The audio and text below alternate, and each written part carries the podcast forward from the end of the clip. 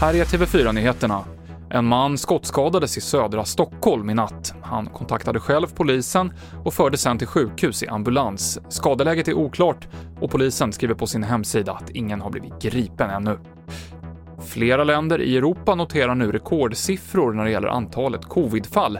Bland annat Frankrike, där restauranger och barer har tvingats stänga i flera storstäder.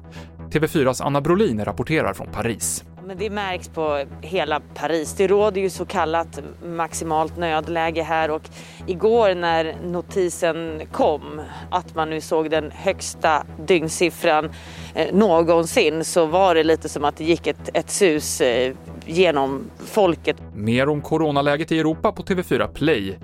Och Indien har nu passerat 7 miljoner coronafall enligt landets hälsomyndighet och väntas snart gå om USA som landet med flest fall. Man har dock en nedåtgående kurva när det gäller antalet fall de senaste veckorna. TV4-nyheterna med Mikael Klintevall.